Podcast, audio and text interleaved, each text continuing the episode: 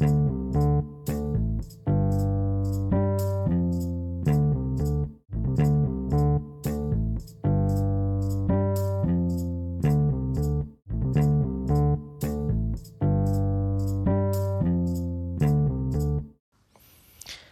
semuanya, Assalamualaikum warahmatullahi wabarakatuh.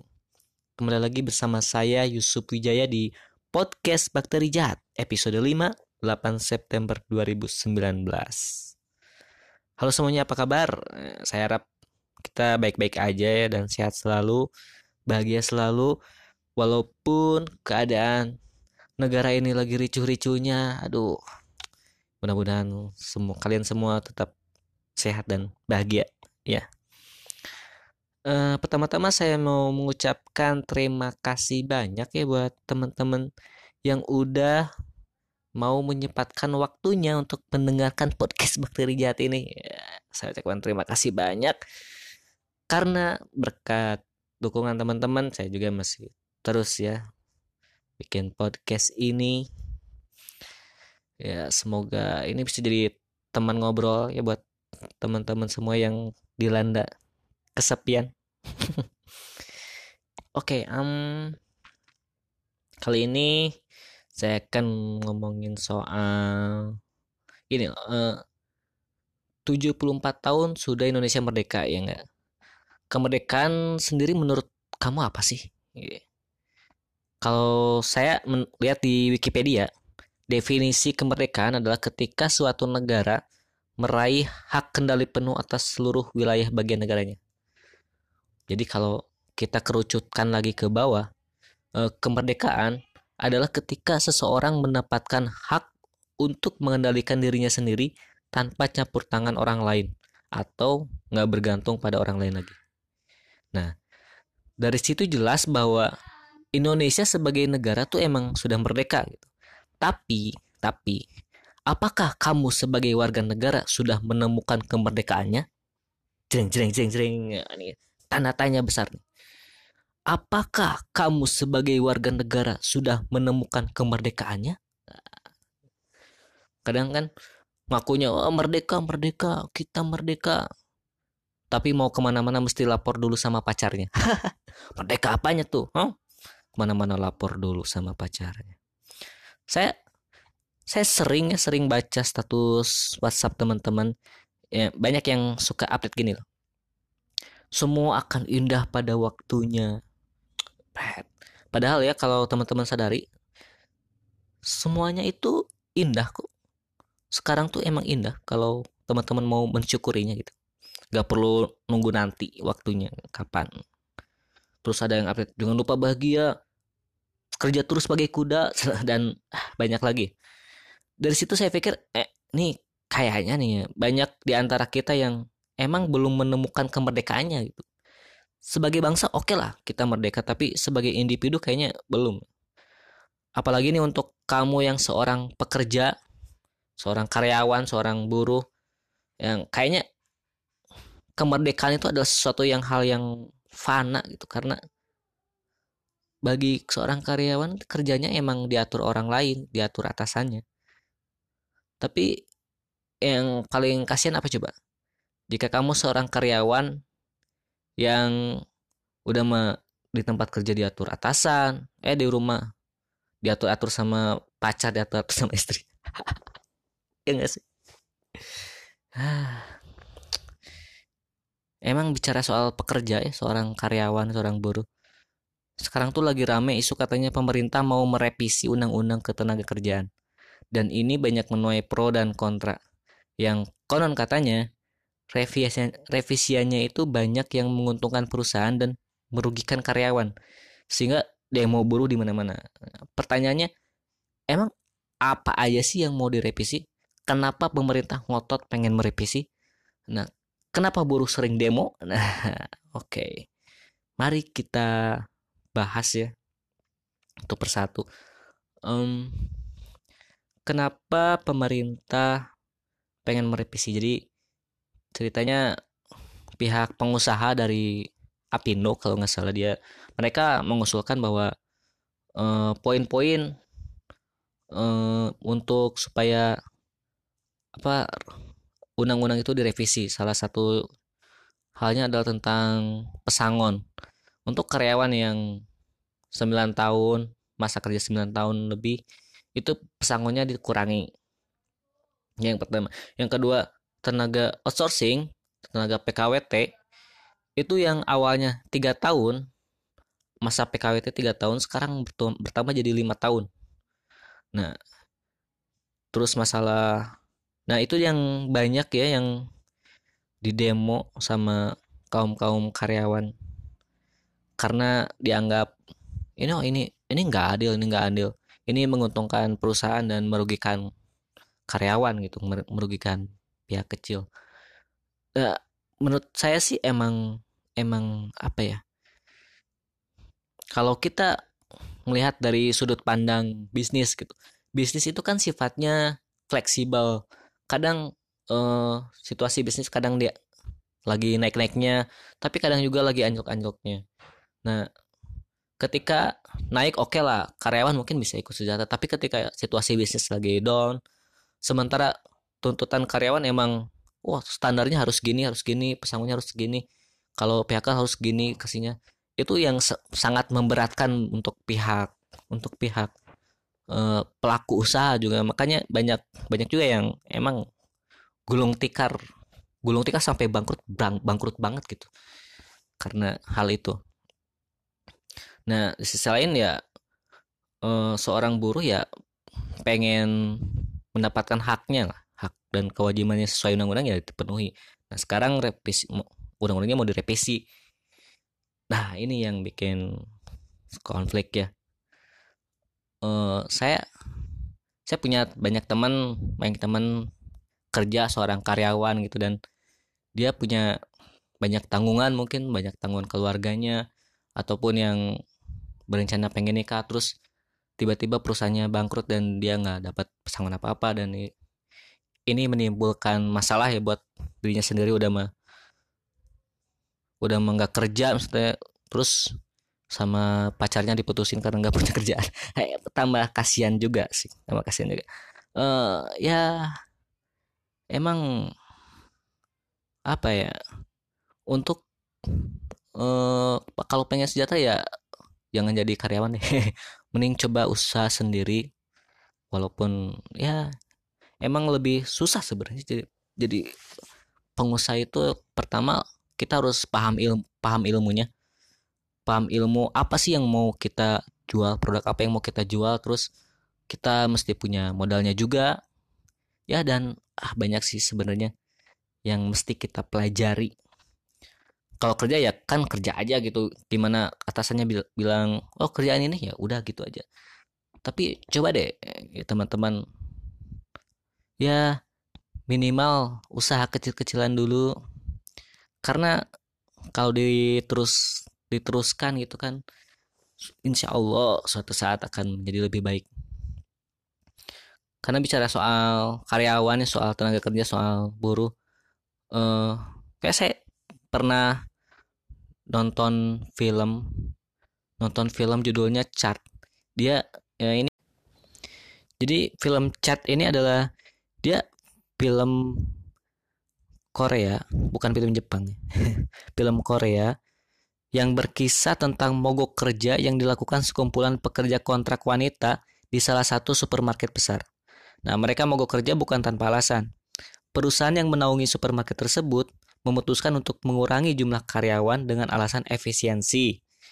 Gak akan ada pengangkatan karyawan tetap, malah pekerjaan akan dipihak ketigakan pada perusahaan outsourcing. Terus ini ini sangat tipikal perusahaan zaman sekarang banget. Ini jelas bikin para pekerja wanita yang berprofesi sebagai kasir, cleaning service, dan bagian stok galau, resah, bercampur kecewa. Ya, seorang ibu yang punya dua anak yang sudah lima tahun menjadi karyawan teladan merasa tertampar kenyataan. Dia suaminya yang bekerja di laut membuat dia harus menghidupi dua anaknya sendirian. Status karyawan tetap tentu saja akan sangat melegakan. Bukan hanya karena gaji yang didapatnya akan lebih besar, tapi juga dia nggak harus deg-degan gitu setiap kali waktu perpanjangan kontrak. Butuh dedikasi tinggi dan tingkat kesalahan dalam pekerjaan yang rendah agar terpilih menjadi karyawan tetap. Ironisnya, giliran si ibu itu menjadi karyawan tetap, datang setelah kebijakan efisiensi itu tiba. Kasihan banget. Nah, rekan si ibu itu juga namanya Senhi. Dia sama kecewanya. Dia memang belum dijanjikan menjadi karyawan tetap. Hanya saja dia kena teguran besar karena dianggap menuduh seorang pelanggan mengutil. Hyemin ini terpaksa berlutut meminta maaf pada pelanggan tersebut dan sempat dicaci maki segala. Sesuatu yang sangat merendahkan diri apalagi karena memang pelanggan tersebut mengutil adanya. Well, pelanggan adalah raja, kasir cukup jadi babu aja gitu dari sini. Kasihan. Nah, beberapa pekerja kontrak juga mendapat perlakuan yang cukup berat. Mereka tentu saja punya pilihan untuk pergi. Namun susahnya mencari pekerjaan membuat mereka tetap bertahan. Jadi eh, ketika kebijakan PHK besar-besaran itu diumumkan, mereka bersatu untuk mogok kerja dan menutup supermarket tempat mereka bekerja setelah gagal bernegosiasi dengan pihak manajemen. Sebuah perjuangan antara pekerja kontrak melawan manajemen perusahaan. Ya, itu singkat cerita film catnya. Jadi si ibunya itu demo, demo mogok kerja. Tapi berhari-hari itu di supermarket tersebut. Tapi si anaknya yang dua yang SMA sama yang kecil bingung, bingung buat sehari-hari makan dari mana gitu dari apa. Makanya si anak yang SMA-nya itu dia suka nyuri-nyuri makanan di minimarket di warung-warung gitu. Uh, dari situ saya pikir uh, oke okay lah emang mencuri itu menurut hukum konstitusi hukum konstitusi ataupun menurut uh, agama emang haram ya haram. Tapi kalau melihat dari sudut pandang ini kita sebagai penonton nih melihat si cowoknya ini si anaknya ini mencuri jadi jadi ya oh ayo ayo curi aja curi aja curi aja kasihan buat makan. Gitu. Jadi kayak sudut pandangnya teralihkan gitu karena uh, emang kasihan gitu. Mencurinya bukan untuk memperkaya diri sendiri tapi emang untuk kebutuhan untuk makan gitu. Walaupun emang apa pun alasannya mencuri itu emang ya haram nggak boleh. Nah dari kisah itu ya makanya kalau teman-teman tiap lihat ya tiap tahun suka ada hari buruh demo hari buruh demo. Ya mereka tuh memperjuangkan hak mereka jadi ini buat teman-teman yang mungkin punya pengalaman yang sama ya, punya pengalaman wah kerja terus PHK nggak dapat pesangon nggak dapat ini terus nyari kerja lagi susah ya. Apa ya? Ya ikhtiar aja lah. Maksudnya nyari uang tuh nggak harus dengan kerja di sebuah perusahaan gitu. Bisa oh home industry bikin usaha sendiri bikin apa kayak bikin YouTube bikin podcast kayak gini. Nah apa pun sebenarnya zaman sekarang tuh apa pun bisa jadi uang itu bisa jadi uang. Ya kreatif lah ya mudah-mudahan. Karena barang siapa yang berusaha gitu kan insya Allah berusaha dan berdoa adalah jalan terbaik. Mudah-mudahan dapat hasil terbaik juga. Ya. Eh, segitu aja mungkin apalagi ya? Nah saran sih buat teman-teman yang mungkin lagi nganggur ya karena habis PHK atau semacamnya ya nikmati sajalah eh, masa nganggur kalian. Karena apa ya menganggur itu kalau selama beberapa bulan atau selama satu tahun setelah sekolah sih menurut saya itu hal yang biasa aja nggak ada yang perlu dikhawatirkan. Yang gawat adalah ketika kamu sudah menjadi pengangguran selama bertahun-tahun. Tentu hal ini akan banyak sekali menimbulkan kesedihan dan kenangan buruk di dalam diri. Eh, selain kenangan buruk dan menyedihkan, tentunya ada saja kebahagiaan dalam aktivitas menganggur yang dilakukan oleh seseorang. Jadi intinya, pengangguran nggak harus mesti identik dengan orang yang miskin, suram, dan menyedihkan gitu. Pastilah di suatu waktu ada yang namanya masa bahagia dan ketenangan. Nah, langsung aja berikut nih kayak rasa rasanya jadi seorang pengangguran atau suka atau dukanya menjadi pengangguran tuh pertama pasti uh, setiap hari adalah hari libur. ya. Bagi para pengangguran di luar sana setiap hari yang mereka jalani adalah hari libur. Satu dua hari libur rasanya memang menyenangkan. Apalagi jika kita bisa bermain bersama teman-teman yang ada. Namun setelah waktu berlalu, teman-teman yang lain sudah mendapatkan pekerjaan dan Anda hanya tinggal sendirian, menganggur dan menjadi pengangguran tentunya hari libur yang panjang ini perlahan berubah menjadi hari-hari yang membosankan dan melelahkan. Yang kedua, eh, bingung mau melakukan sesuatu kalau nganggur kan. Ketika nganggur mungkin satu bulan dua bulan kita pasti akan menikmati hari-hari yang ada. Misalnya seperti asik bermain internetan setiap hari jalan-jalan. Namun lambat laun jika waktu menganggur terus berlalu maka akan terjadi yang namanya fase kebingungan. Nih bingung nih. Di mana kamu sudah nggak tahu lagi mau melakukan apa jadi ya gitu adanya. Rasa bosan mendominasi diri kita. Dan dari sinilah banyak pikiran buruk atau prasangka buruk yang mulai bermunculan sehingga dari sini akan ada banyak maksiat dan tindakan kejahatan yang terbayangkan dan dilakukan. Nah, jangan sampai ya. Terus suka dukanya yang ketiga tuh menjadi bahan pembicaraan para tetangga. Nah, ini menjadi bahan pembicaraan para tetangga. Ketika teman-teman menganggur terlalu lama, maka sudah pasti para tetangga yang kepo itu dan suka ngegosip di sana sini akan mulai membuli dan menyindir kamu. Mereka akan menggosipkan kamu setiap saat. Kamu menjadi topik hangat pembicaraan mereka karena kamu sudah menganggur terlalu lama. Sudah terlalu lama menganggur. Sudah terlalu lama menganggur sendiri. kita Ya, setelah waktu berlalu tentunya ada tiga jalan yang bisa ditempuh oleh para penganggur ini. Jika dirinya sudah dicibir oleh tetangga, kalau dia nggak mencari kerja, pastilah ia akan menjadi pribadi yang menyedihkan. Semisal stres dan depresi. Nah, jangan sampai ya teman-teman. Atau juga malah berubah menjadi pribadi yang kuat, tahan banting, nggak peduli dengan omongan jelek para tetangga. Nah, harusnya gitu. Harusnya gitu. Ya, eh, apa pun yang terjadi ya, selama kita mau berusaha dan berdoa insya Allah pasti ada jalan. Semangat terus buat teman-teman. Jangan menyerah oke? Okay? mungkin itu yang bisa saya sampaikan buat teman-teman yang tadi no saya nggak kesebutin namanya yang masukin email. Ya saya nganggur dan nggak punya kerjaan.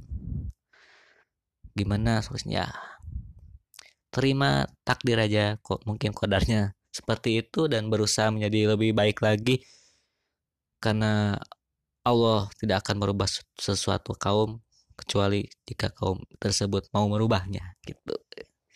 Oke, oke, oke. Oke, sekian aja podcast Bakteri Jati episode 5 kali ini.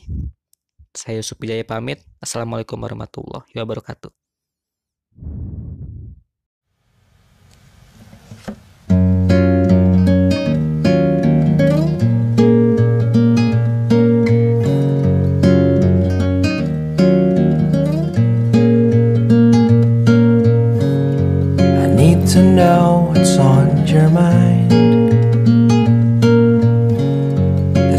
Coffee cups are getting cold. Mind the people passing by. They don't know I'll be leaving soon. I fly away tomorrow to far away.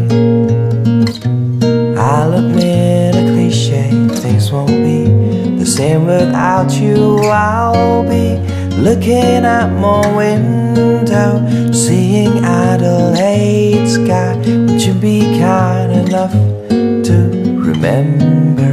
And I'll be hearing my own footsteps under Adelaide sky. Would you be kind enough to remember